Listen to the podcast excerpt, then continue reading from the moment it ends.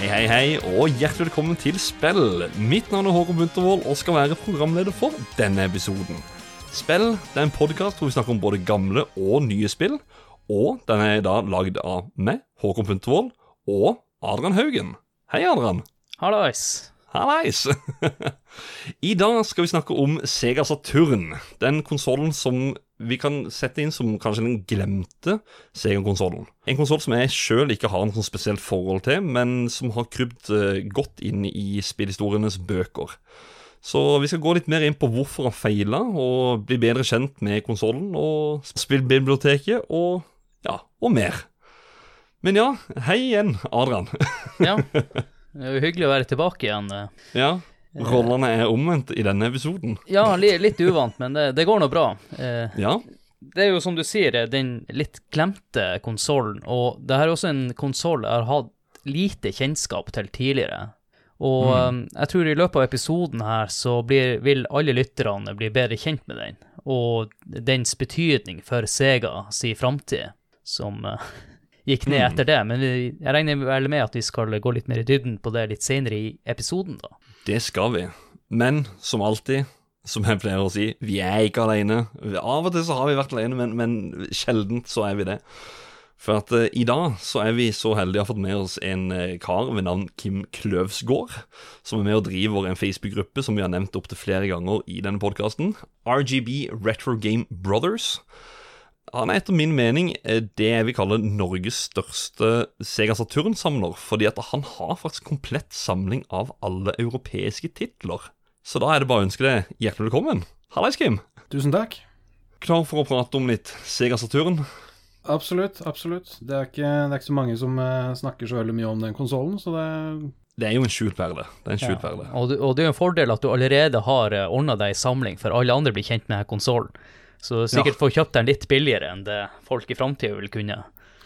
Jeg var litt heldig og blei ferdig med den før, eh, før prisene gikk eh, helt i taket, så det, det godt fornøyd med det. Ja. Men har du funnet de her spillene i Norge, eller er det stort sett eh, fått tak i dem fra utlandet? Jeg kan ikke huske så mye ut av den Sega Saturn var i butikkene her i Norge. Eh, faktisk eh, så har jeg kjøpt en god del fra utlandet, spesielt England, eh, men det har vært noen selgere på, på Finn. Eh, spesielt en fyr som drev en gammel spillbutikk i Grenland som heter Game World, hvis ikke jeg tar feil. Eh, han hadde en god del inventar enda som han solgte unna. Så mest fra utlandet og bitte litt fra Norge. Ja, kult. Men når vi er på den praten der, altså f Første møte. Kan vi eh, bare begynne rett hos deg, Adrian? Hva, eller har, har, har du møte med den Jeg, jeg, jeg mener at uh, når jeg var liten, da, så leste jeg om denne Sega Saturn i spillblader. Mm. Og det var litt snakk om den her Sega Saturn, men etter hvert så ble det jo en eh, Det er litt sånn som det i Ringenes herre, den, med den ringen, at eh, ringen blir til myte og så videre. Jeg husker ikke hvordan den regla gikk da. Men uh, ta og sjekk den første Ringenes herre-filmen, så får dere med hvordan regla gikk. Men den gikk uh, etter hvert i, helt i glemmeboka, for min del. Ja, jeg kan jo også Jeg tenkte jeg begynte med det, og så kan jeg begynne med meg sjøl òg, fordi at jeg har egentlig bare blitt introdusert til han liksom sånn via det spillsamlemiljøet og da retrospillmessa, som vi har nevnt flere ganger, sett konsollen der. Og that's it, egentlig. Så, men jeg er mer nysgjerrig på deg, Kim. Hva- Åssen er ditt første møte med konsollen? Egentlig ikke noe sånn veldig minnesverdig. Jeg kan eh, ikke huske at Saturn eksisterte, eller hva skal si, lagt merke til at den eksisterte på, på 90-tallet i det hele tatt. Da gikk det i, fra Super Nintendo rett over til PlayStation. Jeg så aldri Saturn verken hos Jeg vet jeg hadde flere steder, men jeg la aldri merke til det. I hvert fall ikke hos Spiderman, f.eks. Jeg så aldri spill eller noe sånt noe som jeg har lagt merke til i ettertid.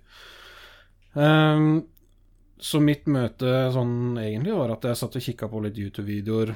Gamle konsoller, hva er det som er der ute, som jeg ikke var kjent med, så så jeg Sega Saturn og ble litt interessert.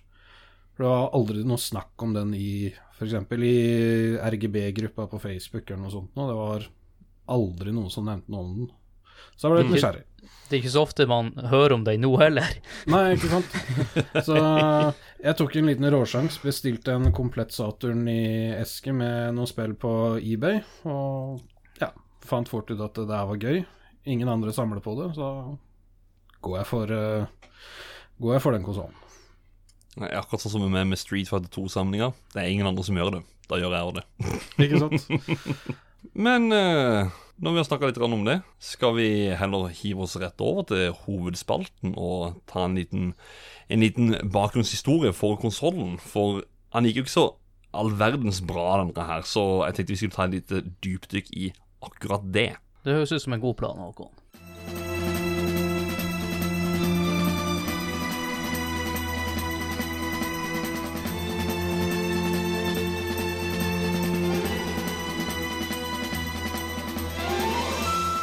Når vi skal snakke om Sega Saturn, så må vi en generasjon tilbake. Nemlig hos Sega Mega Drive, også kjent som Sega Genesis i USA. Konsollen som var den store erkerivalen til Super Nintendo. Og som brukte sitater som 'Genesis does what Nintendo don't', noe som ikke hadde fungert i dagens konsollkrig. Sega Mega Drive var en enorm suksess med over 30 millioner konsoller solgt verden rundt, og på en tre års levetid så mente ledelsen til Sega at det var på tide med en add-on til maskinen.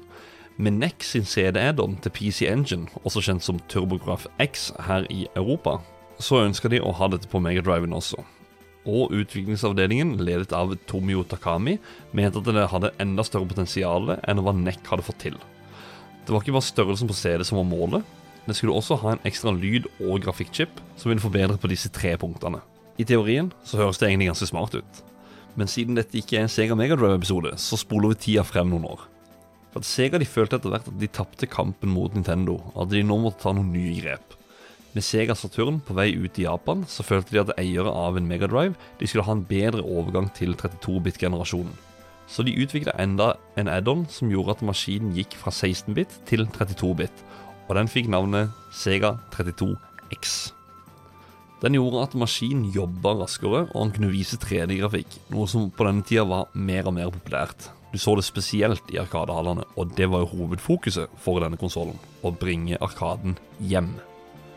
Sega 32X den ble først utgitt 21.11.1994 i USA. Men hva skjer dagen etter? Sega Saturn blir utgitt i Japan. Altså ett døgns mellomrom ifra utgivelse av en ny konsoll og en ny add-on som skal forbedre en konsoll fra en tidligere generasjon. Og det er her fallgruven begynner hos Sega. La oss nå heller nå ta og snakke litt mer om Sega Saturn og utgivelsen, og hvorfor han har det ryktet som han har. Tom Kalinski fra Sega of America og Olaf Olafsson fra Sony de var begge enige at eh, CD-formatet det var fremtida. Så sammen så kom vi frem til den maskinvaren de mente trengtes for å lage en ny high-end konsoll. Sega of America de mente at dette samarbeidet med Sony var nødvendig for Segas fremtid, så Tom Kalinski han fløy ned til Japan og presenterte ideen for Sega of Japan sin CEO, Hayao Nakayama. Men Nakayama han så ingen verdi i å samarbeide med Sony, for de hadde jo aldri vært på konsollmarkedet. Så følgende av dette, det var ikke bare en potensiell avtale med Sony som gikk i vasken, men eh, Tom Kalinski har mista faktisk flere av rettighetene sine som CEO i Sega of America. Sega Saturn ble lansert i Japan med en pris på 44 800 japanske yen, som røftlig på den tida var 450 dollar. Og det enormt populære Arkadestørrelsesspillet Virtue Fighter det ble solgt nær like mye som konsollen selv. Noe som da gjør at konsollen var en stor suksess i Japan. I mellomtida her så jobber Sony med sin eh, Sony PlayStation, og annonserte hvilke specs den hadde. Det viste seg at eh, den var så kraftig at Sega faktisk ble en smule bekymra, så Saturn skulle egentlig bli lansert i september, ganske likt med PlayStation. Og det er jo her den o store tabben kommer inn.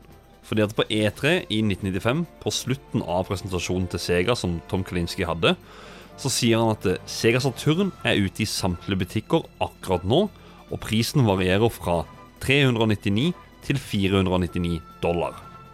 Så det ga ikke bare enorme fordeler for Sony, men både butikker og spillutviklere de ble så frustrerte at de faktisk valgte å kutte samarbeidet med Sega. noe som ga enorme konsekvenser for selskapets fremtid. Men før jeg avslutter den delen, så ønsker jeg å komme med ett ord som Steve Ray sa under Sony sin presentasjon av PlayStation, som var like etter presentasjonen til Sega. Og det var ett ord som gjorde at Sega nesten tapte kampen allerede på E3 i 1995. Og ordet det var 299, altså 299 dollar. Det jeg leste opp nå, er det noe dere har hørt før? Er det noe som mangler? Er det noe å tilføye? Det er jo Jeg tenker vi kunne sittet her og pratet i morgen om denne historien, for den er stor. Så det er vel noe. Ja, jeg tenkte jeg skulle jo Eller jeg kan begynne med det siste du sa, 299. Det er jo en eh, sannhet med modifikasjoner, fordi at det, det som fulgte med Sega Saturn, var jo et spill. Og så tror jeg også det var et eh, memory card du kunne lagre. Det får nå han Kim her eh, arrestere meg på etterpå, som jeg allerede var i konsollen. Mens PlayStation de solgte konsollen uten eh, spill og uten memory card. Alt måtte kjøpes ekstra. Ja, sånn at den reelle prisen var, var egentlig ikke så mye mer enn den Sega sin. Og det andre også vil ta fram at eh, eh, Du nevnte med at Sega følte seg trua av eh, eh, Sony sin PlayStation. Ja, det er sant, men det er en annen konsoll også som de følte seg trua av. Det var jo den Atari Lynx, hvis jeg ikke tar helt feil.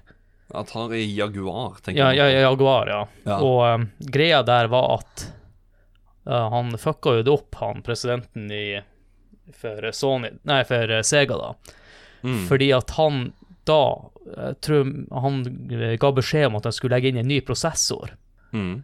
Og, men greia der var at eh, i teorien så var jo Sega Saturn en mye kraftigere maskin enn sånne PlayStation. Men problemet var å få de her eh, chipene til å samhandle. Jeg vet ikke om det var fire prosessorer i Sega Saturn. Og i tillegg så eh, så hadde ikke Sega gitt eh, tredjepartsutviklere og de som skulle lage spillene, ordentlige development kits. Men det hadde jo Sega gjort med alle sine tredjepartsutviklere, og de var veldig flinke til å støtte opp om dem. Så Sega de kjørte litt den der, eh, på en måte en slags Nintendo-arroganse. Ja. Og så må jeg også eh, eh, ta med, da Det blir jo nevnt i Nintendo 64-episoden.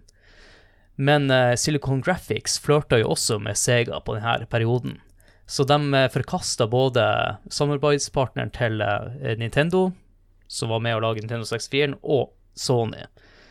Så de brente Eller, de gjorde mange dårlige valg her, rett og slett. Ja, for det var vel det at eh, Tom Kalinski han hadde fått tak i en potensiell avtale med Silicon Graphics, Ja, det også. og så sa Japan nei. Ja. Det, det, det, er- det er så sta. er det noe med historien du kjenner til, Kim, som eh, er her, eller burde ha vært med her, eller? Um, ja, altså det med den prisen med 299 og 499, eller 399 eller hva det var eh, Mm. Hvis ikke jeg tar helt feil, det er noe jeg, le jeg mener jeg har lest i etterkant. Og det, Sony også hadde i utgangspunktet planlagt å ha prisen sin på 399, men når Sega gikk på scenen først, så sto de da liksom på baksida bare Fankeren, hva gjør vi nå? Eh, vi kutter 100 dollar. Ja, for det er, jo, det er jo det som er altså, De ga jo egentlig frie tøyler, på en måte. Eh, det er jo veldig spontant trekk, hvis det er det som er sannheten. For er, jeg har også trodd at det er det via historien. Jeg har ikke funnet noen bekreftelse på det, men det kan være et veldig spontant-trekk med, med at de, de, de står jo og sier det at det er samtlige butikker som har det, og prisen på disse eh, varierer fra 399 til 499. Det spørs hvilken butikk du handler i. Det er butikken sjøl som bestemte. Men det aller viktigste å få frem her, er jo det han Tom Kalinski sa, at konsollen var i butikker nå, og de fucka det opp her også. Ja. Men det er faktisk ikke Tom Kalinski sin feil at den ble framskjøvet. Det var jo eh, Sega of Japan som pressa på å gi han ut eh, fem måneder tidligere. Den skulle egentlig bli gitt ut på, i september, som de kalte for eh, Saturn Days. Ja, Saturn Day, ja. Stemmer Ja. det. Det var jo den eh, Ja, det var en lørdag der i ja, september, samtidig som PlayStation skulle gis ut. Ja, jeg mener det. Og i tillegg så hadde jo ikke eh, tredjepartsutviklerne fått muligheten til å, la å lage spill. det var jo nesten ikke spill til den konsollen ble gitt ut. Og i tillegg så fucka de jo opp med de folkene, eller de bedriftene som skulle selge konsollen for dem. For de har jo, hvis dere husker, Rema 1000 hadde sånn bestevennavtale for noen år siden som ble slakta. De kjørte litt her òg, for det var ikke alle de store kjedene, leketøysbutikkjedene osv. som fikk det her. Og resultatet av det var jo at noen rett og slett boikotta Sega. De tok ikke inn Saturn i sine butikkhyller i det hele tatt. Så de snubla jo overalt. Ja, jeg så faktisk det opptaket. Jeg så et helt, et helt opptak fra E E3 1995. Så store deler av det. Og da hørte jeg det han sa, at det var spesifikt Toys R Us. Og så var det litt sånn avspora, sånn som en gammel VHS. Så er lyden ødelagt da, på akkurat det ene punktet. Så jeg hørte ikke hvilken butikk det var. Men så var det også at eh, det var flere bare sånne der, eh, databutikker som hadde det. Men eh, hva var det for noe? Det var 30 000 maskiner, tror jeg, som Ja. var spredd rundt i USA. Så det er jo ikke noe Ja, det er megarusha ned. Og Tom Kalinski er jo ikke mannen som, som, som det, er, det, er ikke, det er ikke hans feil, på en måte, har jeg følt etter denne historien her. For at det, det er det jeg alltid har hatt eh, synet på, da, at han Eller hatt følelsen av at det er hans sin feil eh, med at han sto og sa dette Ja. her. Men han har jo bare blitt sagt at det, du skal si dette, du skal gjøre dette. Han mista masse rettighetene. Ja, han ble rett og slett pressa til å gi han ut før, og han var jo klar over at det her var, ikke var smart. Mm. Det ser man, i, ser man i dokumentarer også rundt den hendelsen her, også, at eh, han sa det også hele veien, at det, det her er absolutt ikke smart å lansere den konsollen så tidlig på, på amerikanske markedet uten å ha mer eh, spill å backe opp med, og for ikke å snakke om hva var det du sa, 30 000 eksemplarer på Ja. hele USA. Det er jo latterlig. Mm. Ja, og vi nå uh, kjefter over PlayStation, som ikke kan gi ut PlayStation 5. Kan du tenke deg det her? Åh. Nei, og så de, fikk de ikke kjørt noen reklamekampanjer. Nei, altså all reklame de hadde, var jo satt til å være i september. Og så kommer han heller bare ut 11. mai på E3. Bare sånn boom, it's out. Ja. Ja. Men eh, vi skal jo ikke snakke så mye om den 32X-en, da. Den er jo også et resultat av, eh, eh, som du nevnte, at Sega begynte å tape kampen. Eller Genesis begynte å tape kampen av, mot eh, Super Nintendo. Og eh, Sega eh, hele veien har vært litt desperat, og det her er jo også Mm. tegn på en desperat handling. Men så glemmer man også at eh, Super Nintendo hadde jo FX-chipen, som var et motsvar til det her. Men de valgte å gjøre det på en annen måte. Med, Ja, riktig. Riktig. Det, det jo det blir en annen episode. Ja, det blir med i Megadrive-episoden, tenker jeg. For den kommer. Den kommer. Den har vi allerede lagd. Nei, det har vi ikke. Nei, det var Master System-episoden. Ja, og så skal vi lage en Super Nintendo-episode en gang, så ja, ja, ja. ja. Det skal snakkes om. Åh, Super Nintendo-episoden. Jeg gleder meg. Men eh, skal vi ta en prat om konsollen? Litt sånn generelt om? Det kan godt. Ja. Han tilhører jo den femte konsollgenerasjonen. Han hadde en levetid fra 1994 til 2000. I Europa og i USA så ble han eh, tilbaketrukken da i 98. og Han levde videre i, i Japan. Enheter solgt, omtrent 10 millioner, rett i underkant. Og så er det jo CD som er formatet. Han har to stykk Hitachi SH2-prosessorer på 28,6 MHz. Who, the, big, uh, the big guns. og så har han et minne på 2 megabyte ram. eh, 1,5 megabyte videoram. Og så har han en halv megabyte, altså 512 kilobyte lydram. Men konsollen hadde jo også en sånn eh, en, en sånn cartridge-slott på baksida, eller opp forbi der du la CD-en i. Og der kunne du legge inn flere ram.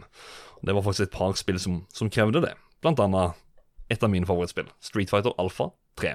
Alpha 2, tror jeg. Nå ble jeg litt usikker. På grafikk så har han da en VDP1 og VDP2 videoprosessorer.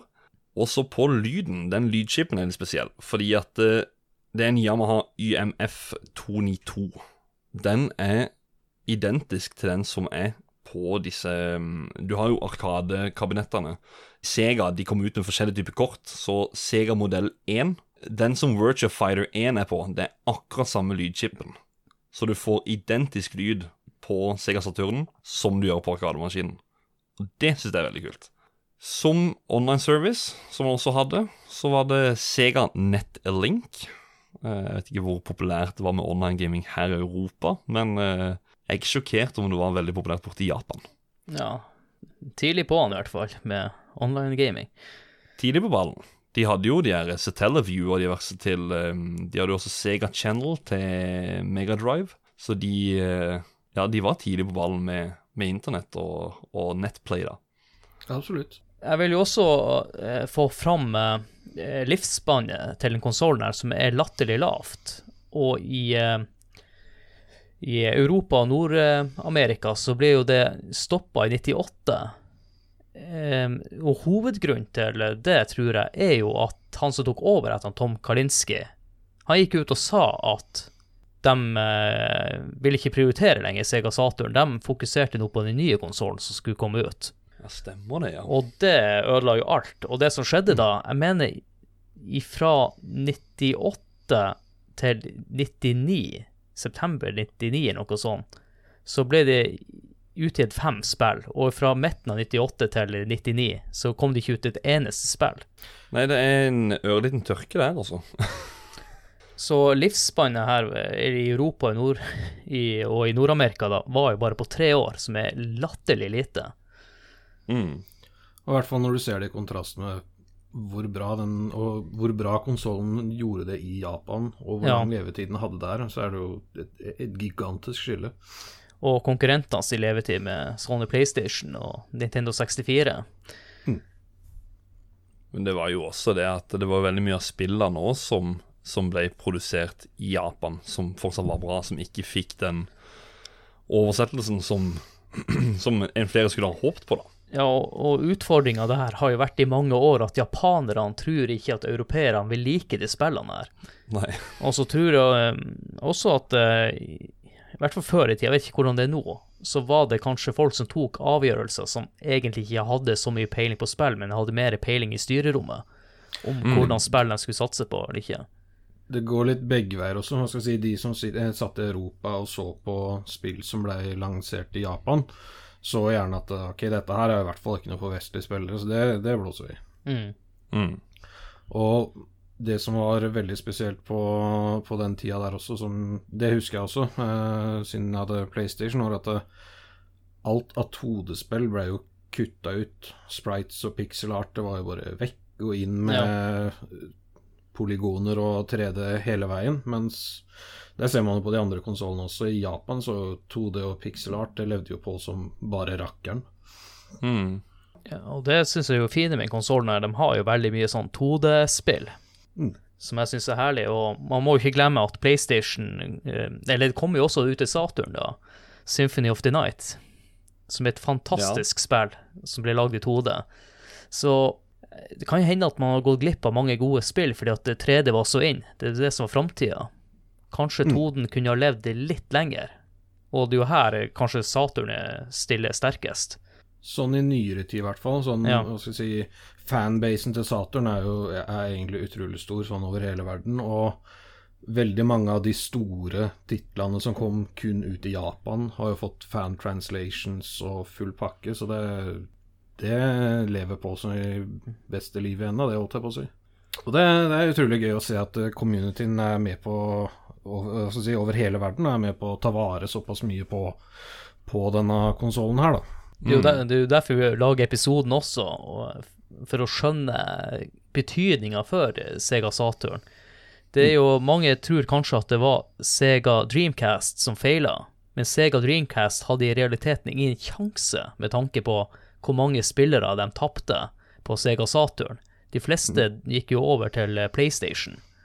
Mm. De mista jo fanbasen sin. Og da, når Dreamcast kom ut, så sliter de. Ja, For det var jo Sega Saturn var jo også veldig på det å få Det var her jeg følte på at de gikk over til det å få arkadespillene til å være på konsollen. Og det har de gjort, altså som jeg sa med soundchipen, den er jo Der er lyden mer eller mindre identisk. Det, ja. Eh, men grafikken er vel egentlig det eneste jeg har som jeg har sett personlig, da, side by side, så er det kun grafikken som er gått ned bitte grann. Og det er jo av naturlige grunner, selvfølgelig, for at Arkade er mye kraftigere. Det, man, kan, man kan nok takke eh, hva skal jeg si, arkademesteren Yu Suzuki sjøl for at uh, veldig mye av uh, hva skal jeg si, arkadebiten på Saturn var så suksessfull som den var. da. Men Mm. Det var jo hovedfokus å få det så ja, hva skal jeg si, naturtro kopi som overhodet mulig da, fra Arkadehallen og inn i stua. Så da kan jeg dra frem den der eh, reklamen til Street Fighter 2 som sto i et Agent 9, eller Agent X9-blad, hvor det sto at Street Fighter 2 kommer nå til Super Nintendo. Arkadespillet rett hjem i stua? Nei, det var ikke det, gitt. Det var ikke før her at det skjedde. Og Men- som du nevnte, Dreamcasten var jo bare grafikk opp og levde videre. Ja. Jeg vil også ta fram at kanskje det fokuset på Arkade ødela litt for Sega Saturn. De eh, hadde jo ikke så stor trua på JRPGs, og de kom jo med noen gode eh, RP JRPGs etter hvert til Saturn. En annen ting som jeg er nødt til å ta fram, er jo at Sega var det ledende konsollen når det kom til sportsspill. Mm. Og hele det Mm. første året tror jeg kun var et fotballspill og et baseballspill eller noe sånt. Så alle de amerikanerne som likte NFL-spill, de måtte vente en stund for at det kom. Og når det kom, så sugde det balle. Og det er jo også en Tror jeg var en årsak eh, at eh, eh, EA Sports gikk over til andre konsoller når de så det floppa.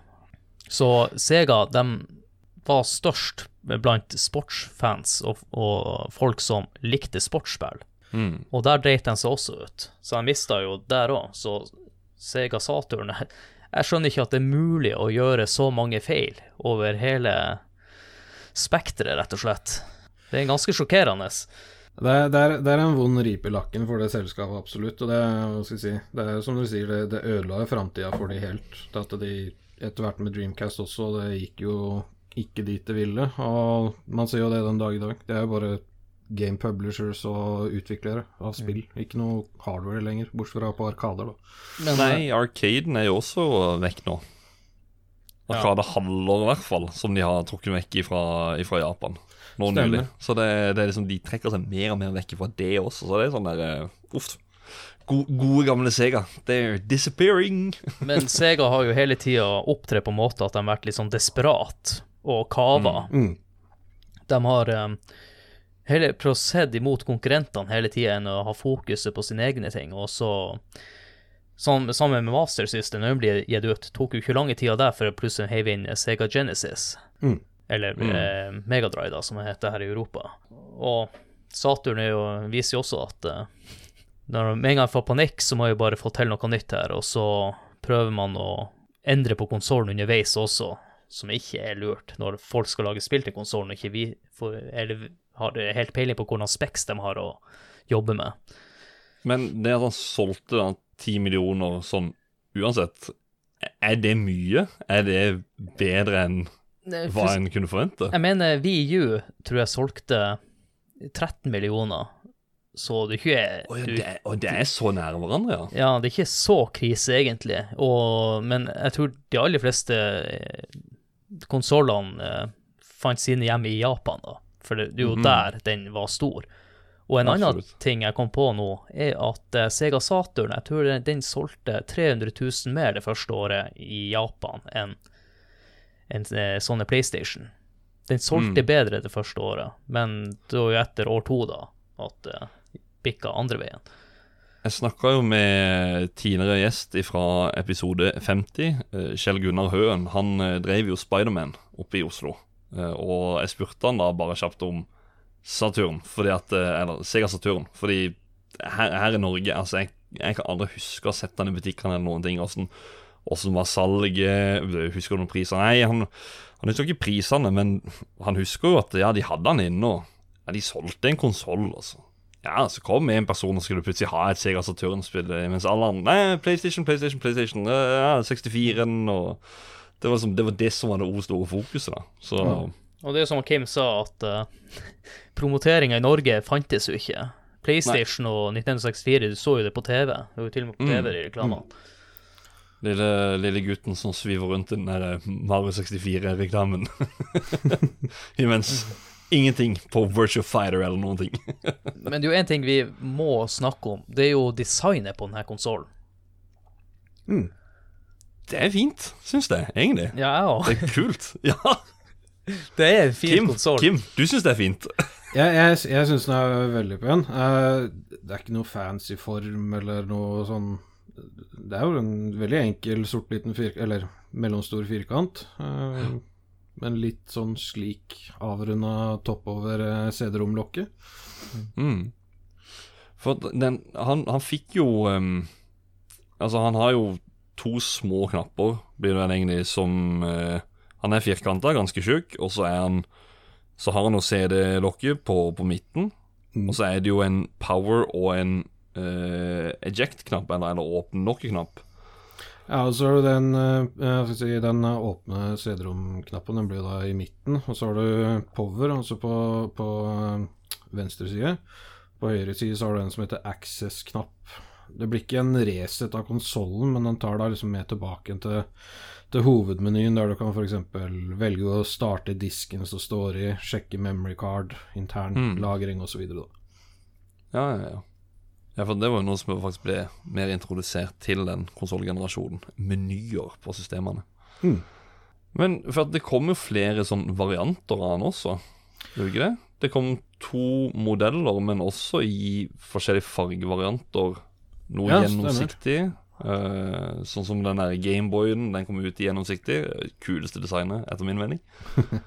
I, I Europa og Nord-Amerika så fikk vi sort utgave både på Det kom ut en Model 1 og en Model 2. Uh, begge to uh, som vi fikk i Vesten, eh, var sorte. Mens i Japan så fikk du i flere farger. Både sort, grå, eh, gjennomsiktig eh, Ja, veldig, veldig mange flere utgaver, da. Der var det også produsenter sjøl, som f.eks. Eh, Samsung i Sør-Korea produserte en egen variant. Hitachi produserte en egen. Det var veldig mange forskjellige, da. Men alle hadde likt design, bare forskjellig fargevalg, da. Men sånn så, som er Altså, Japan fikk jo veldig mange eh, versjoner, eller forskjellige farger, og, og er jo glad i den gjennomsiktige eh, utgaven av, av Gameboy, og vil jo åpenbart gå for dette her hvis jeg skal kjøpe en Saturn. Er den regionfri? Det er mitt store spørsmål til den konsollen. Du tenker på den som står uh, 'This is cool' på toppen? Å nei, jeg tenkte bare gjennomsiktig. Generelt, bare sånn gjennomsiktig skall. Eh, jeg tror jeg, jeg, Det kan godt hende jeg husker feil nå, eh, men jeg mener det kun er én sånn original gjennomsiktig. Den står det 'This is cool' på. Den ble det kun produsert Det var ikke veldig mange antall av den. Det er litt sånn Oi. holy grail å ha i Saturn-samling. ja, da skal jeg ikke ha den likevel. Men eh, det er, du får kjøpt custom shells, eh, det gjør du også, som er gjennomsiktig og i flere fargevarianter. Også, okay. Men, men, er de, men er de regionfrie? Fordi det er jo flere spill som kom ut i Japan, som ikke kom ut her, som Ja. dessverre eh, Ja. ikke regionsfri. Nei, det så jeg egentlig for meg at eh, Sega kanskje var på akkurat det punktet. Jeg føler kanskje de er på latsida. Who knows? Der må man, eh, der må man ha en, eh, en, si, en modifisert konsoll hvis du vil ha alle regioner. Men det, det, det som går an å nevne, er jo at eh, det var jo fortsatt den 50-60 hertz regionsforskjellen eh, mellom Europa og Japan, f.eks. Så Mm. igjen, hvis du ville ha import av, eh, av enten japansk eller amerikanske spill som gikk på 60 hertz, så ville jo da selvfølgelig spille mye treigere. Eh, og skulle du gjøre det, så måtte du i tillegg da Altså, du måtte modde konsollen med å fjerne den gamle BIOS-chipen, og så legge inn en regionsfri BIOS-chip.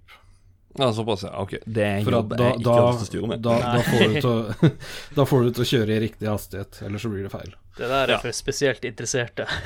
Da, eh, da Nei, da, da, da skal jeg heller bare gå for en eh, original, og så, så skal jeg la det være med det. Men eh, Sega, de er jo kjent for det rareste ekstrautstyret. Og jeg lurte rett og slett på om vi skulle ta en prat om, om de, da. Ekstrautstyr og add-ons til konsollen. Mhm.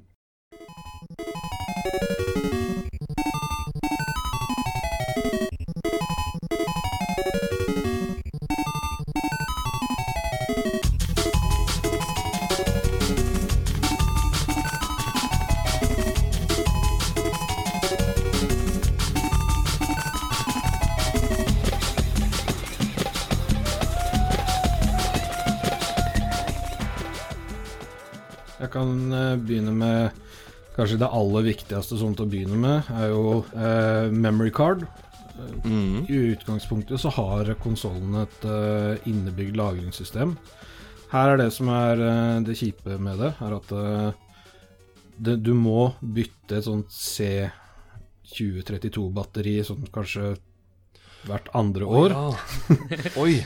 Dør det batteriet, så dør savesa dine. Nei! Jeg tror mange som går på den smell. Derfor, derfor må du ha memory card. Ja, så, så Ja, riktig. Ja, Det er jo kjempestas. Eh, For de av dere som ikke skjønte hvilket batteri det er, det er jo da Hvis dere har merka at Pokémon-saven deres ifra dere var små er vekk, eller uh, Zelda-saven, eller eh, Mario Bros. eh, Nei, Super Mario World på Super Nintendo, så er det fordi at det batteriet er dødt. Ja, Og eh, klokke, armklokkebatteri, rett og slett, som må byttes ut. mm, Ja, riktig. De, de flate. Kjøpte en bunke av de før Ikea fjerna de fra sortimentet sitt. Det er heldigvis ikke vanskelig å bytte på en konsoll. Det er ikke noe som må loddes eller noe. Det er bare det er en utbytterslott. Du bare tar den ut og putter den nytt, og så ut og kjør. Ja. ja men så greit. Delvis. Delvis.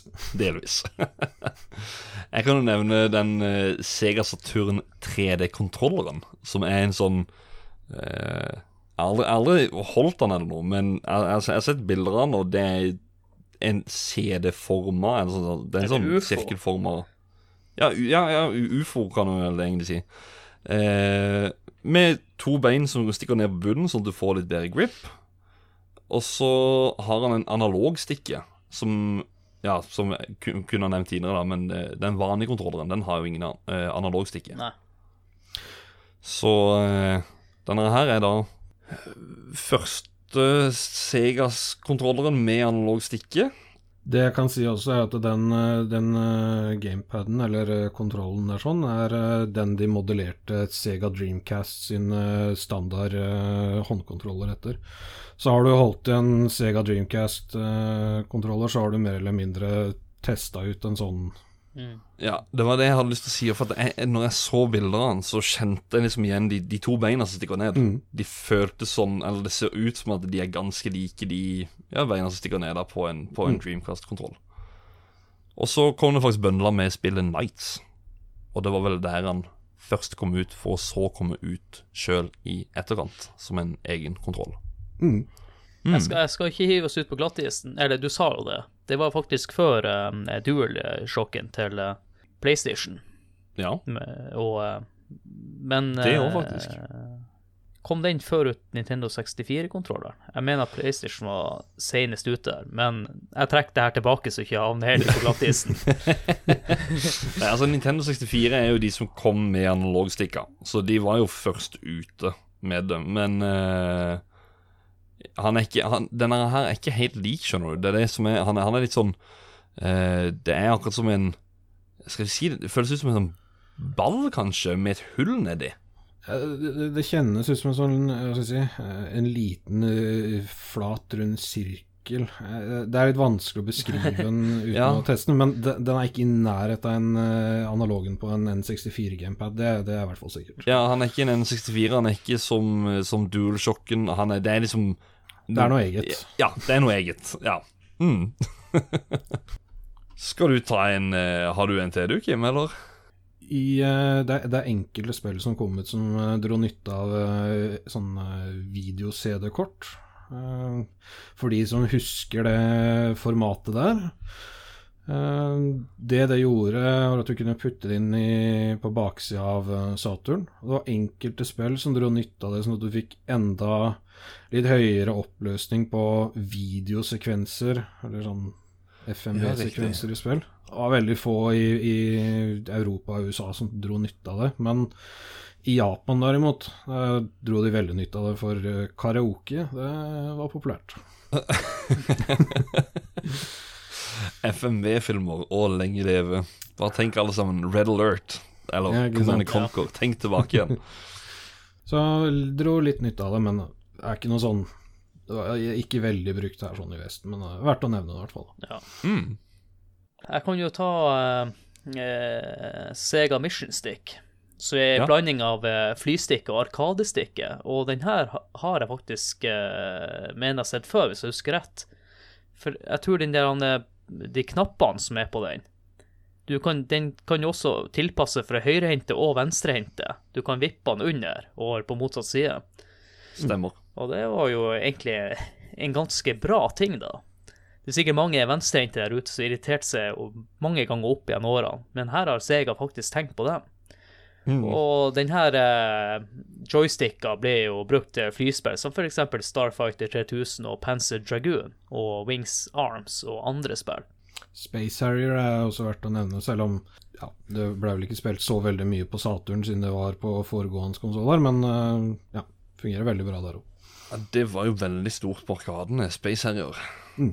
Al al aldri skjønt greia med det. En mann som flyr med en jetpack og bare suser bort. Det ser ut som å gå altfor fort, synes jeg, men uh, ja. Det er så, det er så en, enkel moro som du kan få det til. Det er, ja.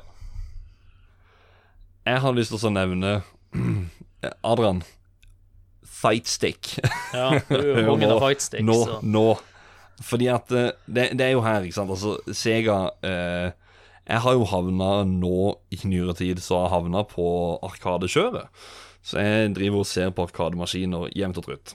Og der er jo de O store, som tidligere nevnt, det er jo Sega, som er enorme på Arkaden.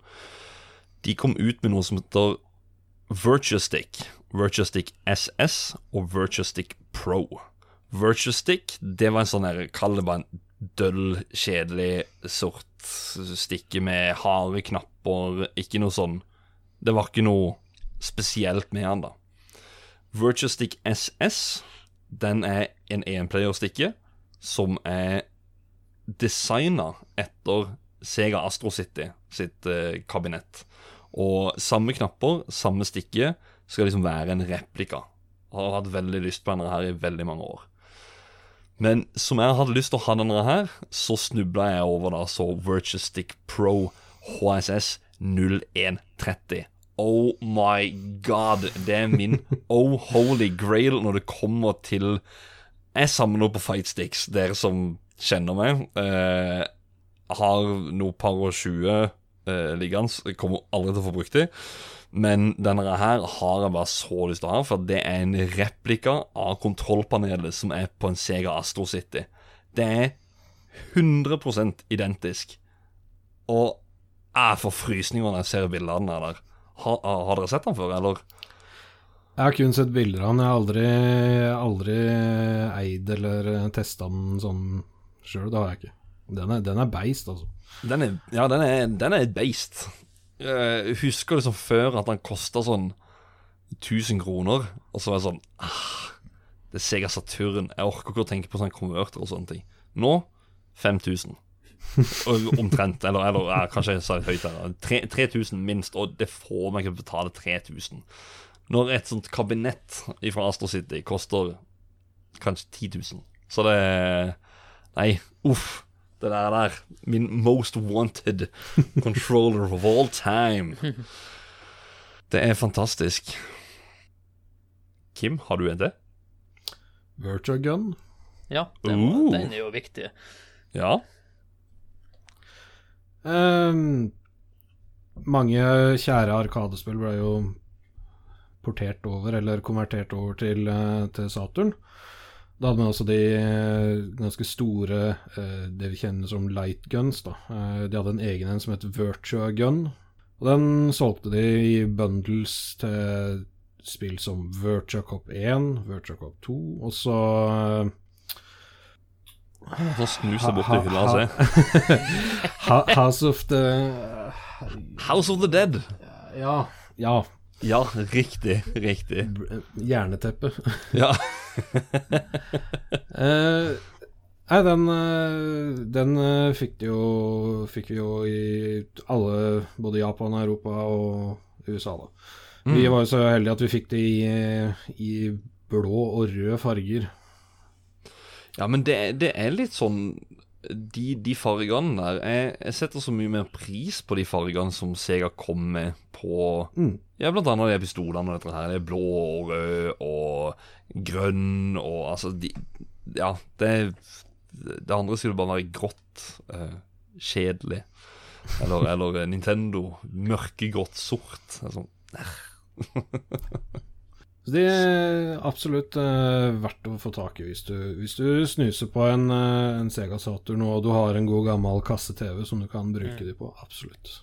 Må du selvfølgelig ha. Det fungerer ikke på LED-TV-er. Er Nei, da, skal du tråkke deg i hjel. Ja. Uh, vet du hva, faktisk, der kan, jeg, der kan jeg faktisk komme med en, eh, en artig ting som jeg så på Finn nå nylig. Det fins faktisk en USB uh, sånn lightgun-pistol som er ment til LCD-skjermer. Hvordan han fungerer, det, det er, har ikke snøring, men uh, han kosta 2500, da, så det var litt sånn der eh, Yikes. Uh, du, har- du har nå i hvert fall muligheten for å, for å spille det på, på PC-en igjen. Og sette inn Saturn-spillet ditt, og så kjøre det via der. Eh, lovlig. Og, eh, og da skyte på, på LCD-skjermen. Verden går, verden går fremover. Ja, det er kult Mm. at eh, man faktisk har den muligheten enda. Det er jo noen Ja. artige eh, sånne type spill. Det er jo det. Det, det, er, det, det viser jo hvor bra altså si, Det viser jo hvor, hvor bra communityen for eh, sånn retro- og vinterspill som sitter og gidder å bruke tid på å utvikle Ja. sånt noe for moderne TV, det er jo helt fantastisk. Mm, mm. Jeg kan ta neste, og det er Saturn Twin Stick. Det er en sånn veldig spesiell flystikke med, med to spaker, og så er det vel bare to knapper på toppen. Det er kun design, eller det er spesialdesigna til spillet spill som heter Cybertroopers Virtual On. Som er et sånt eh, 3D fighting-spill-aktig greier med, med, med roboter på lik linje som Transformers og Gundam, som eh, har vært eh, høyt populært i Japan. Sånn i aller høyeste grad. Space robots og alt sånt der, det er enormt der nede. Eh, og det var vel første møte det, det, det er litt sånn eh, Når jeg tenker retromessa Det var når jeg var på kontoret der og besøkte Jan Olav, som var med i Nintendo 64-episoden. Det første jeg så når jeg kom inn på det lageret, eller på kontoret, da, det var den boksen med den stikka oppi. Jeg bare Sava Sega. Det er noe fett med dere. Det er noe, det er noe med designet de gjør som bare er sånn derre Uff, den vil jeg ha i hylla. Den, altså, jeg, jeg driter i hvilket spill det heter, eller hva han gjør for noe. Det er bare Åh, det er så nydelig. Designet. Den var jeg så heldig å få tak i løs, da, vel å merke til Oi. Jeg husker ikke om det var noen som ga den vekk, eller hva det var, men den ble, den ble, den ble solgt som uh, junk, rett og slett. Noe som bare ble sendt med. Sjuke, uh, sjuke mennesker. Det er, det er en artig kuriositet òg. Altså, ikke bare at den er kul å se på, men den er uh, Det funker utrolig bra i det virtual on-spillet. Det Mm. veldig kult. Ja. Ja, og så har du jo Seka, eh, Seka, Sega Saturn Direct Link, Mm. som eh, Ja, du kunne egentlig kjøre Sega Saturn i LAN, rett og slett. Tenk deg fett, da. Bare sånn der eh, Ja, gutta, nei, hva skal vi til helga? Nei, jeg vet ikke. Ja, men Kan ikke du bare ta med deg Saturnen over, så tar vi et eh, Et Satulan? Ja. Eller, eller Og hva, hva, skulle, hva skulle man spille da? Jeg vet ikke hvor mange spill det er som har støtte til det greiene der, eh, men uh, Warcraft 2, som jeg har i hylla, er jeg ganske sikker på jeg hadde fungert med det, og sammen med Command and Conquer. Ja, vet du hva, Da hadde jeg faktisk kost meg. Selv om at jeg har bare spilt de spillene på PC. Men- Ja, jeg tenkte også hvor bra er de her spillene egentlig til Sega Saturn? Er det verdt det? Hvis du, fort, eh, hvis du hadde hatt eh, mus og tastatur, eller i hvert fall musa til å eh, navigere rundt, så, hadde, så fungerer det absolutt mye bedre. Men du kan tenke deg det i dag, med den gamle kula inni, det er jo Ja. litt håpløst. Ja, for Det kommer jo ut noe mus og tastatur og diverse sånn ekstrautstyr til eh, Det var Ja, til, til den eh, Å, jeg nevnte noe tidligere. Den uh, internettkoblinga. Mm. Den eh, Sega Netlink. Ja. Så var det jo noe Sega Net keyboard, Sega Net mouse. Ja, det kom noe i forbindelse med, med det. Men jeg har ikke noe mer på min liste. Har, har du noe, Kim? Nei, jeg tror egentlig det, det viktigste av uh, accessories er, eh, er nevnt, det, altså. Jeg syns vi har gått gjennom ganske mange, sånn at eh, eh, Vi kan jo prate om spillene, da. Vi kjører på. Vi kan høre på eh, hva som er vårt favorittspill til en konsoll jeg aldri har spilt noe særlig på, eller Adrian. Men Kim derimot, han har spilt mye. Jeg har fått spilt en del, da, absolutt. Det, er, det jeg kan begynne med å trekke fram som et sånn uh, spill som uh, slår seg litt ut, da. Uh, det har kanskje det mest shady navnet jeg noen gang har hørt på et spill. Three Dirty Dwarves. Jeg har faktisk hørt om det. Hæ? Tre, tre, tre skitne dverger, oversatt på godt norsk. Ja. Eh, OK, nå, nå, nå, nå er jeg spent. Nå er jeg spent. det det egentlig handler om, er bare er at det er tre dverger som eh, kommer fra en sånn fantasiverden inn i menneskeverden. eh, og så skal de redde noen barn som har blitt tatt eh, Hvis ikke jeg husker feil, da, tre, eller noen unger som har blitt holdt igjen på skolen uh, som sånn uh, Hva er det heter for noe? Uh, ikke arrest, men sånn sitte igjen etter skolen. Ja, eh, attention Nei, detention. Nei, jo. ja. ja, detention. Ja. Ja, ja. Og skal redde de, og så bry, altså, bryter de seg inn i en sportsbutikk, og så bruker de forskjellige typer våpen som de stjeler derfra. For eksempel én bruker hagle, en annen driver og pæler med bowlingkuler, mens en annen bruker baseball. Altså, Du kan bytte mellom alle tre karakterene underveis eh, mens du spiller. Du kan også spille to spillere sammen, og så bytter du da på de karakterene som er i live, da. Holdt jeg på å si. Litt sånn Lost Ja. Vikings-opplegg. Mm. ja, det var akkurat det jeg tenkte på sjøl. Jeg fikk litt sånn Siden det også var tre Three dirty dwarfs. det er jo Three dirty, dirty uh, lost vikings. Og så har du liksom har sånn egen sånn sær, absurd humor. Altså Det ser veldig bra ut. Eh, kule tegninger. Eh, det er ikke noe sånn spesiell type sprites eller pixel art eller noe. Det bare ser ut som sånn hand-drawn eller håndtegna håndtegninger. Eh, artig, artig musikk også. Det skiller seg ut, da. Det gjør det absolutt. mm. Ja, jeg hører jo det, at det skiller seg ut. Jeg kan, eh, jeg kan ta neste spill, og det er faktisk et spill vi har nevnt litt tidligere her. Det er Virtua Cop 2. Og eh, det spilte jeg jo lenge før jeg visste at det var på Saturn i det hele tatt. Før jeg visste at det var på Arkademaskin eller noe som helst. Eh, Det var på min bror sin PC. Plutselig var det et spill som heter Virtua Cop som var der. Så da satt jeg med datamusa og da trykka på disse fiendene som kommer opp. Eh, Du spiller jo da Det er jo et politispill hvor du da skal Det er et sånn ja, hva, hva kaller man det? Eh, det er sånn scene for scene, da, ikke sant? Eh, alle har jo spilt Time Crisis, House of the Dead, eller ja, kanskje Virtue Cop, da. Så går det jo sånn scene til scene, hvor du da skal skyte fiender som kommer opp her og der, og så har du noen car chase scenes hvor du da skal skyte de som titter opp av bilen. Det Ja, det typisk eh, du kjører bortover, og så, ja, så er det en bil på andre sida av veien, og han, eh, der kommer det én fiende opp, og så kommer det to, og så kommer det tre, fire, fem, seks, syv, åtte, ni, ti. Det var da fælt mange som sitter inni den bilen der. Plutselig kommer en annen fyr opp med bazooka, og så ja, så skal du bare spille gjennom, rett og slett. Et basic lightgun-spill. Uh, Lett, Ark- eh, basic, men ekstremt moro. ja, for det er jo også de her ekstra tingene som er eh, Ikke bare skyt fiendene, men også skyt den lyskrona oppi den eh, oppi taket. Og få den til å løsne og ja, få litt bonuspoeng og sånt ut av, ut av det, da. Og så pass på ikke skyte sivile, selvfølgelig. Ja. Ja, de går også Somebody help me! Som de sier hele tida. Og det er irriterende. Åh, ja, samme gang på gang på gang. Ja, for min del så er jeg litt usikker på øh, de spillene jeg skal trekke frem som en slags originale til Sega Saturn, men det her føler jeg meg ganske sikker på. For det, det heter jo Saturn Bomberman. Og det som fenger min interesse, er at du faktisk kan spille ti spillere samtidig. Men hvordan det funker i praksis, det har ikke jeg så mye peiling på. Kanskje du, Kim, kan svare på det?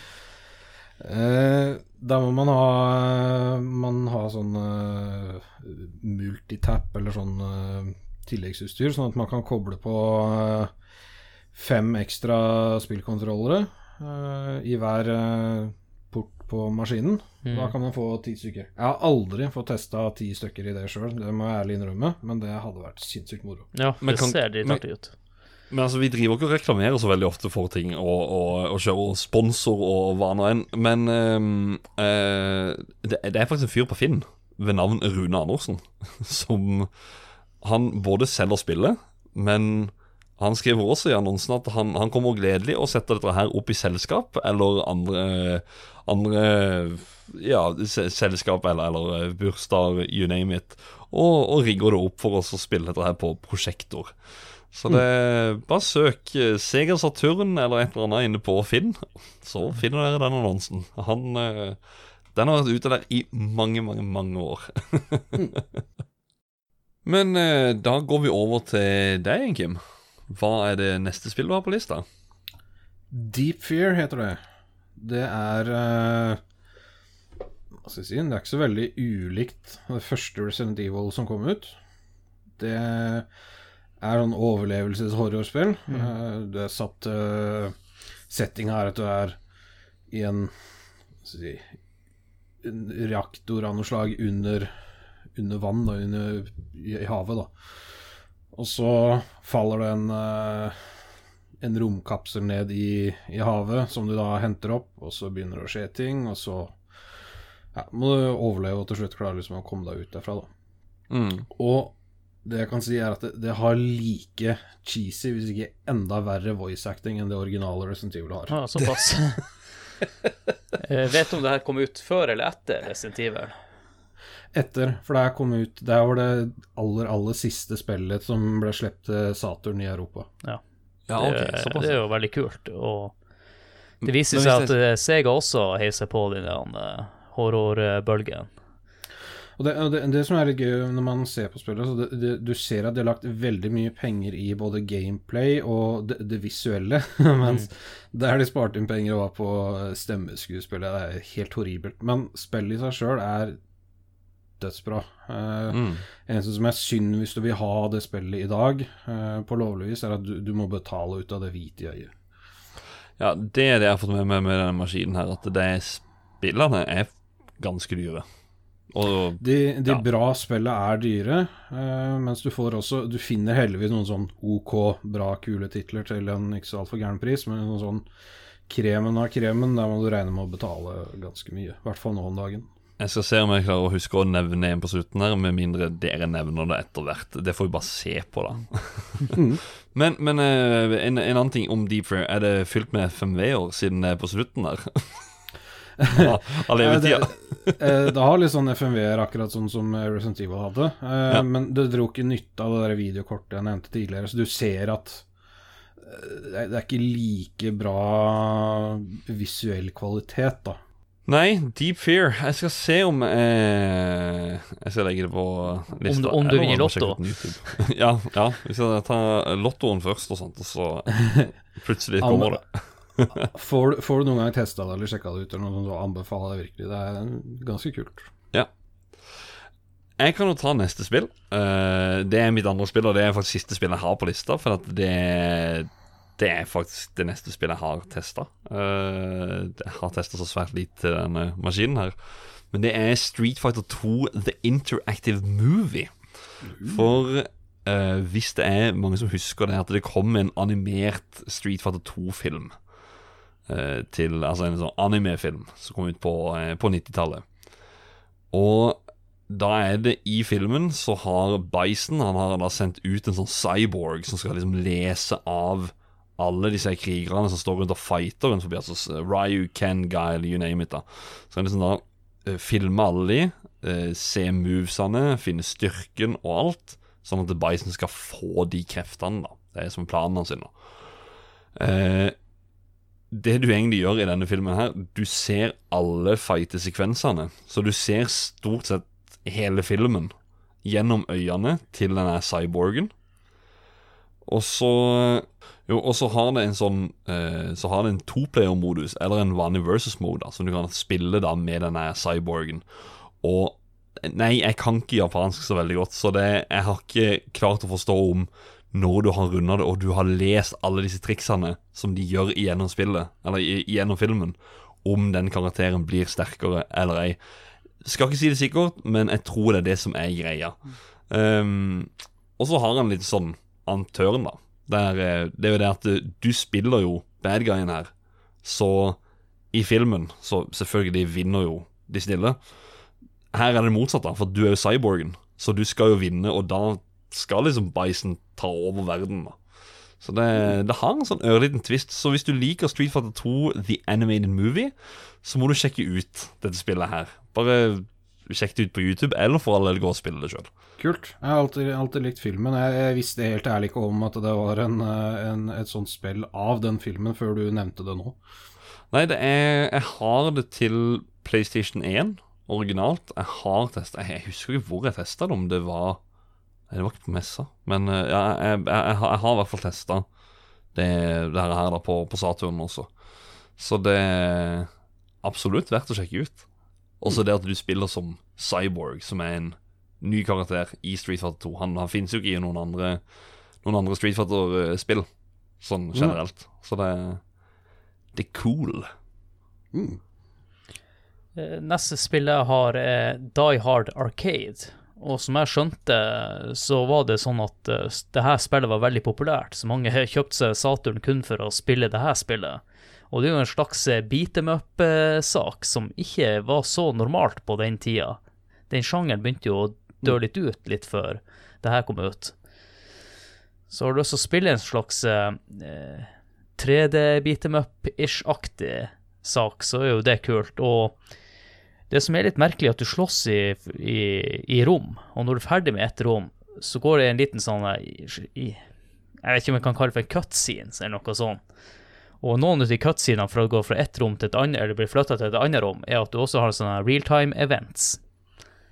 Så du må plutselig tråkke på en knapp for å sparke fyr i trynet og, før du kommer videre til neste rom og skal begynne å slåss igjen. Og du spiller jo som John McLean, men du kan også spille toplayer, og den andre personen er ei jente. Men ingen vet helt henne, hennes rolle, bare at du, du kan spille henne som et sånn toplayer-alternativ. Jeg har en fun fact om det spillet. Skulle akkurat å si det samme. det er at det heter noe annet i Japan. Der heter det Dynamite Deka. Og grunnen for at jeg vet nøyaktig det Det var gøy at du nevnte et spill her, fordi at Uh, det var en her i byen, som jeg sa en tidligere, at jeg har kasta meg litt på et arkadekjøret. da Og da er det jo Yamaboards som er greia. Og det er en her i byen som solgte et Sega-spill som da het Dynamite Deka. Det sto på sånn cartridge-slott oppå det der eh, kortet. Og det er et Sega modell 1-kort som er det samme som Eller mye av det samme som Sega Saturn har, da. Så jeg holdt nesten på å eie det i, i til Arkademaskin, faktisk. Men eh, han solgte det før eh, Ja, jeg vet ikke. Det ble noe surr med det kjøpet der, så jeg fikk det aldri. Men jeg skulle egentlig ha det. Så kunne du komme ned og spilt det her, Adrian. Hey, for Arkademaskin. Wow! ja, jeg må ta meg en tur en gang i framtida. Ja. Ja. De rebranda det spillet der fra Dynamite Deka, som du sier, eh, til Die Hard. Det var jo for å hva skal jeg si, gi det et kjent navn, sånn at folk det, det, det, trakk folk, da, rett og slett. Mm. Mm. Så du spiller egentlig ikke han John McClain i det hele tatt? Egentlig ikke, men uh, det er jo ekstremt mange likheter der i forhold til den første filmen. Men det er, du ser også at det er veldig mye som ikke er likt i det overhodet etter hvert. Mm. Og Det fikk jo en oppfølger også på Dreamcast, men det heter vel Dynamite Cop. Ok. Ja, stemmer. Det var et eller annet sånn jeg så når jeg sjøl googla dette Dynamite Deka da, for å se hva slags spill er dette her, da, så så jeg at det var Dynamite Cop og Ja. Mm. Mm.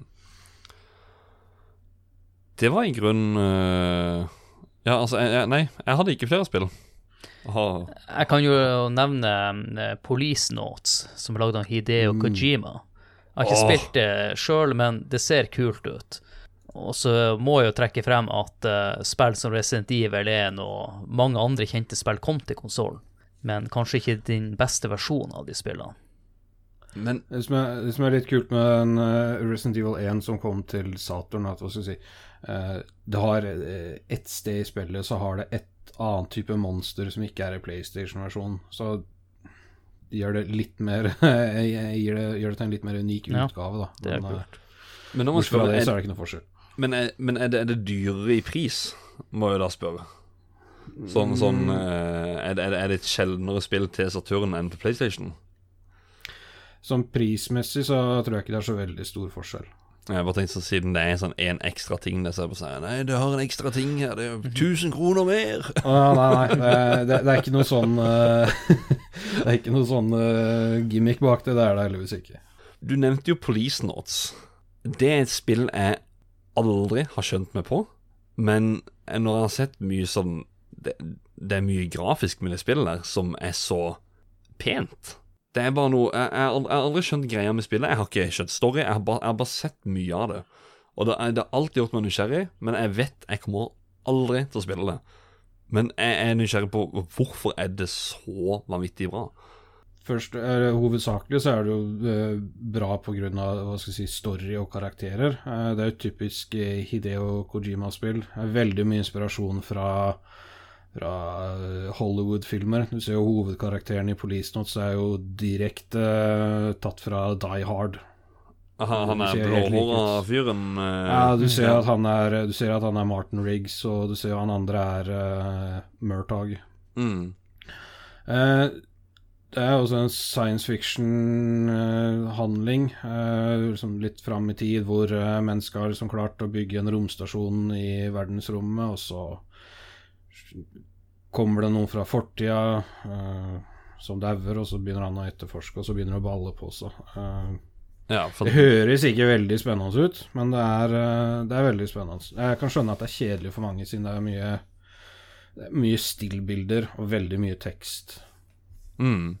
Og i utgangspunktet så fikk du aldri noe utgivelse i Europa eller USA, for den saks skyld. Så der sånn har det jo blitt eh, fanoversettelser som eh, har gjort det spillbart for oss. Så hvis du har vært borti f.eks. Eh, eh, Snatcher til eh, Mega-CD, så er det samme type spillet som det er. Ja. Men når vi er inne på spill og sånn, hvordan er samlemarkedet generelt for Sega Saturn og her i Norge? I Norge så er det relativt lett å komme inn på. Nå i det siste så har det jo dukka opp flere som selger, og veldig mange flere som har fått interesse for å kjøpe. Og det, det er absolutt kult. Det Ja, eneste som er veldig synd med Yes, jeg vil. Jeg vil. Det som er synd med det, er jo som jeg nevnte i stad, at veldig mange av de, de alle liksom de beste titlene du vil ha, er jo De er så svindyre at det, det blir litt sånn avskrekkende for mange, da. Men konsollen i seg sjøl, den er, er den dyr? Nei. Eh, konsoll eh, Hva skal jeg si, bare konsollen med en, eh, en eh, spillkontroller får du for en ja, 800-900 kroner, kanskje. Å, såpass. Det er ikke verre. Ja, nei, det er ikke verre, nei. Nei da. Anbefaler. Og det er, som jeg nevnte også, det er, det er veldig mange gode OK titler som du får til Som ligger på sånn fra rundt 100 til 300 kroner. Det, som du Hva så si Du kan teste konsollen med, se her, dette er noe for meg, og så Ja. Det er ikke Mm. noe problem med å få solgt igjen heller, hvis ikke du har noe interesse av det etter hvert òg, da. Mm. Men eh, Kim, mener du mm. Burde Sega Saturn kanskje hatt større oppmerksomhet enn det den fikk? Fortjener å være en glemt konsoll? Nei, jeg, jeg, jeg syns ikke den fortjener det, absolutt. Eh, og de burde ha satsa mye bedre på, på markedsføring av konsollen. Eh, det, er- det ikke noe tvil om. Og det er også, eh, som vi snakka om tidligere i historien, at det, det var jo en gigantisk fiasko med den eh, 32X-ekspansjonen til eh, Megadrive og Saturn-utgivelsen i Japan. At eh, de gikk jo så på trynet at eh, hadde det ikke vært for det, så tror jeg nok eh, konsollmarkedet på den tida kunne kanskje sett litt annerledes ut. Kanskje en dag i dag også at Sega fortsatt hadde vært på den biten der enda, da. Det er det jeg tror sjøl, at de egentlig De Mm. kunne kanskje ha klart å stå på beina. For at det ja, som vi også, eller som du har nevnt tidligere, Adrian, at de gjerne har lent seg på alle andre. Eh, Arkade, ja, de har vært veldig store der og, og klart seg der, men de har Ja. jo bare utgitt spill til andre. Ja, og de dreit seg ut med tredjepartsutviklere som heller valgte å gå til eh, Sony, for de var lettere å samarbeide med. Mm. Men eh, da sier jeg egentlig bare with further ado så tror jeg vi skal gå over til siste del av episoden. Og det er å gi konsollen en øreliten rating.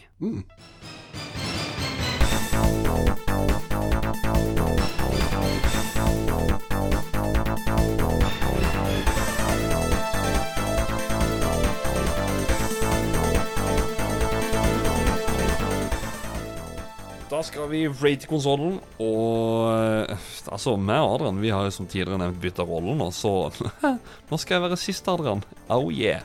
Men det er ikke du som er eksperten, det er Kim. Så jeg tenker Kim skal få lov til å begynne. Utseende 1 til 10. Jeg ville sagt ni. Ja.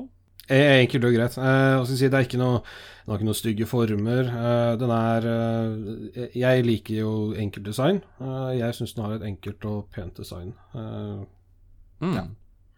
Jeg vil også gi den ni. Den- Jeg syns den er også finere enn Sony PlayStation. mm. Det er gøy, for at jeg er også på en ni. Eh, det, ja, det er, det er enkelt og greit en, en fin konsoll som bare har, Hadde han stått på TV-benken, det er ikke noe som gjør noe fancy-fancy ut av seg. Altså det at den, den, den er sort, det, det Mm. gjør at den passer inn i, i TV-benken også. Eh, ikke noe vondt mot PlayStation, kjempeglad i den maskina, men den gråfargen og designet er bælstygg. Ja, Altså. det er sant. Det, det er takk, det, og sorry for dere som føler tramper på føttene, men ja, det er faktisk den grå fargen til PlayStation er stygg, altså. Ja, den er litt tidlig 90. Ja, Mm. dessverre. Kontrolldesign. 1 til 10. Begynner hos deg igjen, Kim. Med den uh, opprinnelige vi fikk den uh, som kom i eska, uh, jeg vil ikke gi den noe særlig høyere enn seks, i hvert fall. Den er i ubehagelig form å holde i. Knappene er ikke spesielt komfortable, og skulderknappene er ja, forferdelige, de også. Mm, mm. Adrian. Ja, men jeg måtte jo Jeg ville bare spørre han Kim om For de kom jo ut med en til kontroller som jeg har skjønt har vært mye Eller som er mye bedre enn den. Stemmer. Eh, den eh, første kontrollen som vi fikk her, sånn, den fikk jo ganske mye refs for å være ja, ukomfortabel, ikke gode knapper og de tingene jeg for så vidt nevnte. Det de valgte å gjøre, var å hente inn det samme designet som eh, den japanske Sega Saturn fikk. Så det, I Europa så ble den kjent som da modell 2 eh, av eh, spillekontrollen. Den er helt nydelig. Hvis du skal gi den en score 1 til 10, da gir du den en Ja, 9,5, altså. 9,5. 9,5. Ja. Adrian, modell 1 først. jeg må støtte meg på uh, han Kim sine erfaringer her. Uh, vet jo at den er crap, men hvor ordentlig crap den er, det vet jeg ikke. Så der stoler jeg på Kim og gjør det seks. Ja. Men jeg har jo heller ikke holdt i, i M2-en. Sånn at, men jeg tror også at han er han Kim han er jo litt fan, så jeg gir den ni, da. Trekker ned et halvt poeng fordi jeg tror han Kim har gitt den. Ja, litt det lille ekstra. Ja. Uh, jeg skal faktisk være med og eh, Jeg skal være grei og på modell 1 gi han en, en, en sekser, bare for å være hyggelig. Egentlig så var jeg litt ned på femmeren, for det er ganske edgy kanter og, og alt. Uh, men Saturnen føler jeg sliter fortsatt like mye som Sega alltid har gjort. Det er at D-paden er ikke har noe toppkvalitet. Når du tenker på Super Nintendo og alt annet som har vært der ute, så er det bare Sega, hva er det dere gjør? Det gjør noe vanvittig feil. Så eh, vi går fra 9,5 til 9 til 8,5. Så jeg hopper litt ned på modell 2. Har du, har du noen gang prøvd modell 2 i, i f.eks. Street Fighter? Da spiller jeg kun med arcade-stick, dessverre. Prøv, prøv, eh, prøv den gamepaden der med fighting-spill, eh, spesielt av Street Fighter, som har liksom seks, eh, seks knapper på arkaden. Den Ja. gamepaden her har jo seks knapper på forsida. Den Hadde du valgt Det- en gamepad, så ville du ikke bytta gamepad i slåsspill igjen, altså. Nei, nei, men det, men det, det det jeg syns er veldig fint med at han har den six button-layouten. Det var jo noe som kom til Megadriven først, som var en tre button-layout, og så fikk han en six button-layout. Og det ble en standard her. Brukervennlighet.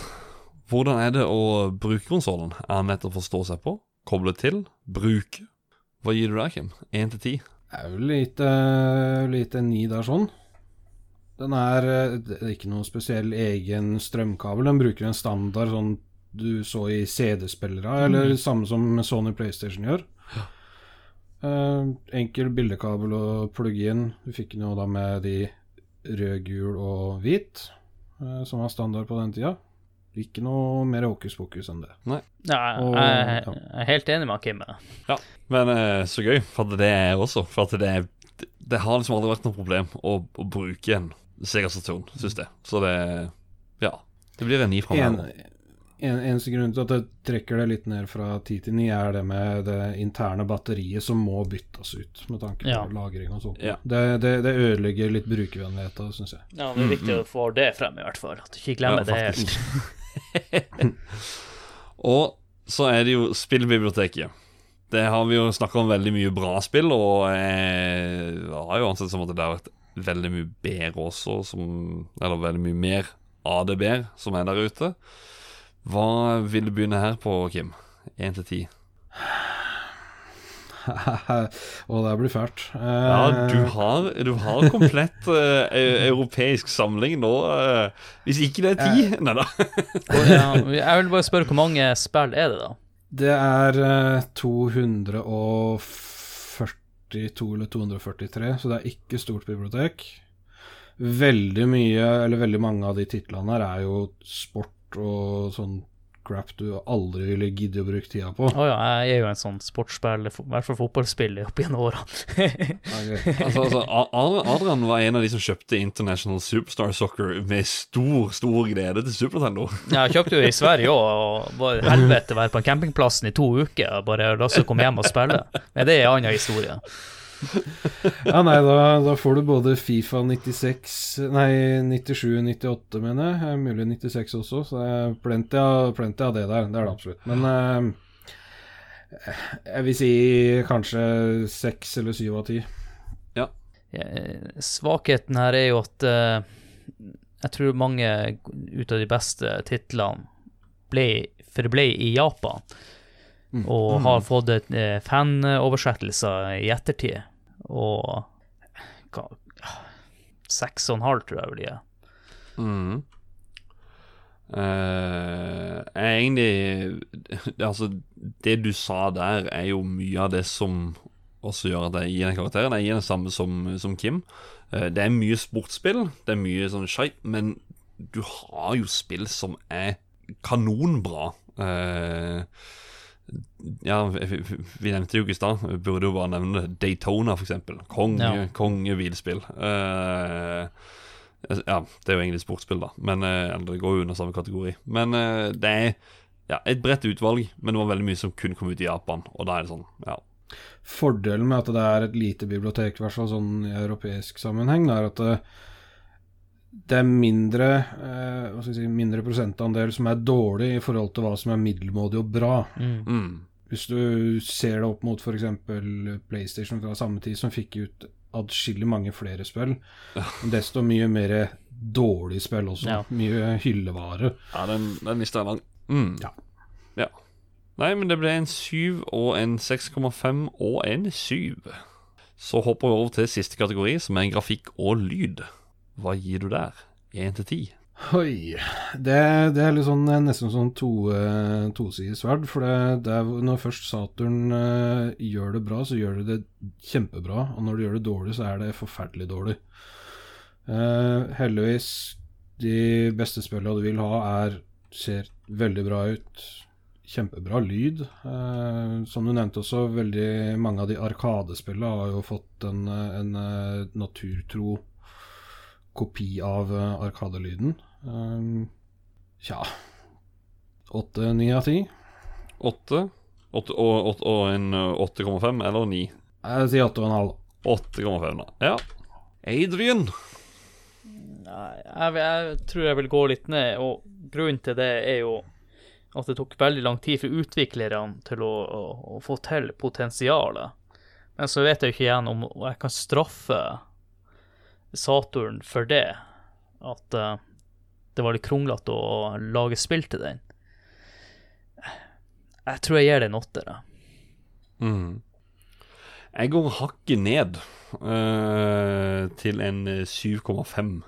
Det er jo litt basert på mine opplevelser med konsollen også. Sånn, øh, jeg var jo veldig på Sega Dreamcast og syntes den var dritkul. Men så var det når øh, når da prøvde Sega Saturn og skulle være liksom litt den der Arkadegata, så var det sånn mm, Divine downgrader, og det var liksom Kall det litt nedtur.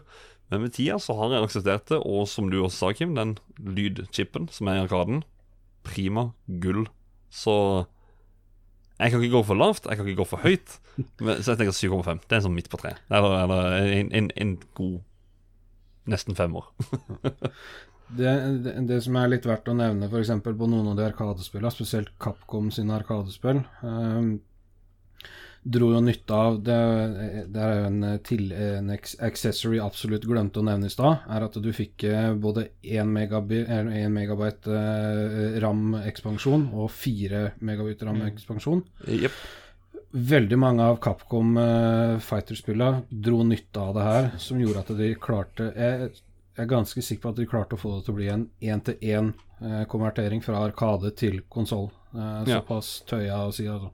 Jo, men det, det er faktisk de um, Akkurat du egentlig nevner det, for det Ja, jeg, jeg, har, ikke, jeg har ikke opplevd det sjøl, men jeg har, eh, jeg har lest om det før, ja. At det, den, den rambrikka skal visst ha gjort at det spillet faktisk er så nært Arcade Perfect som du får det.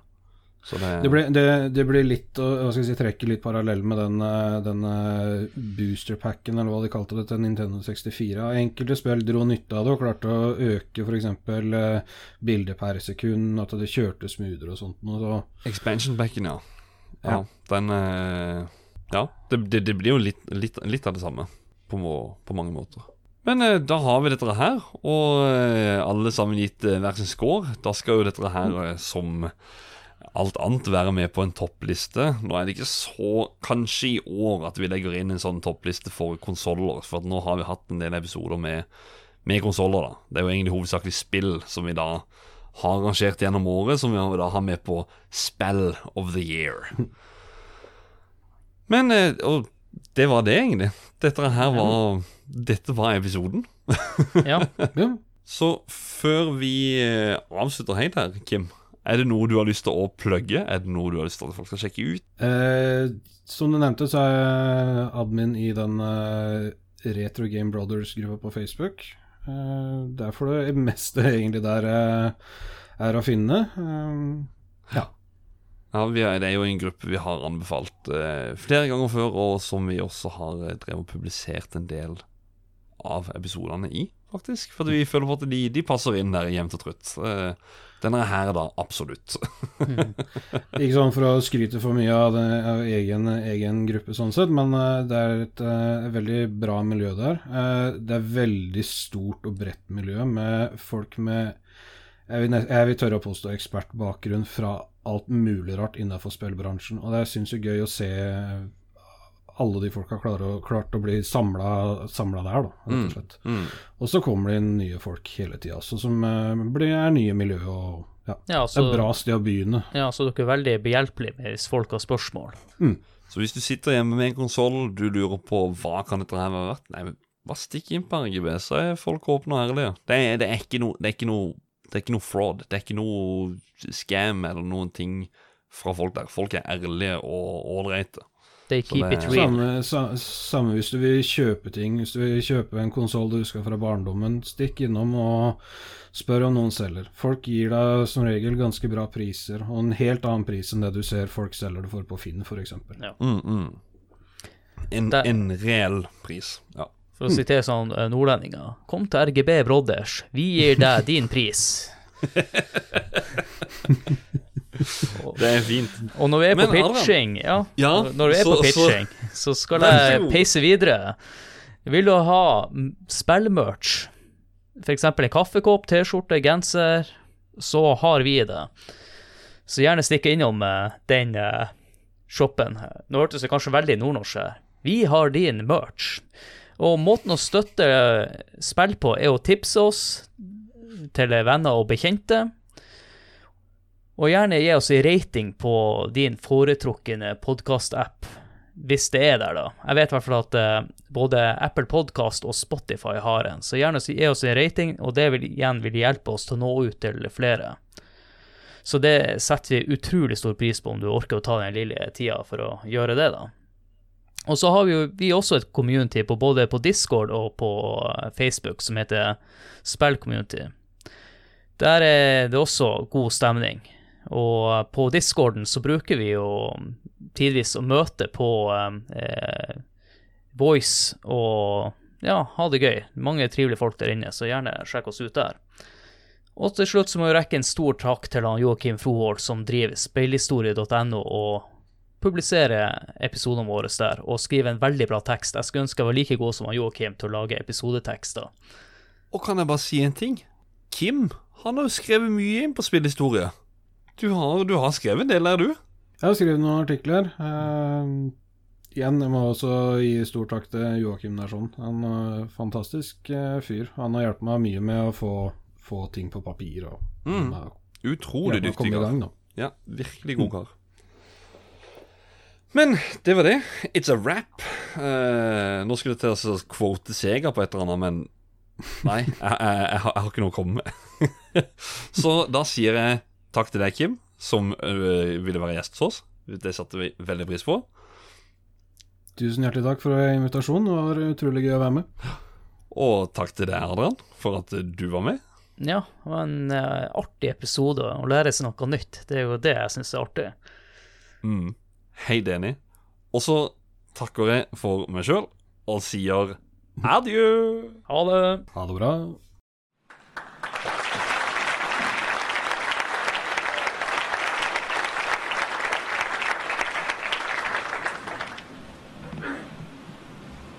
1999.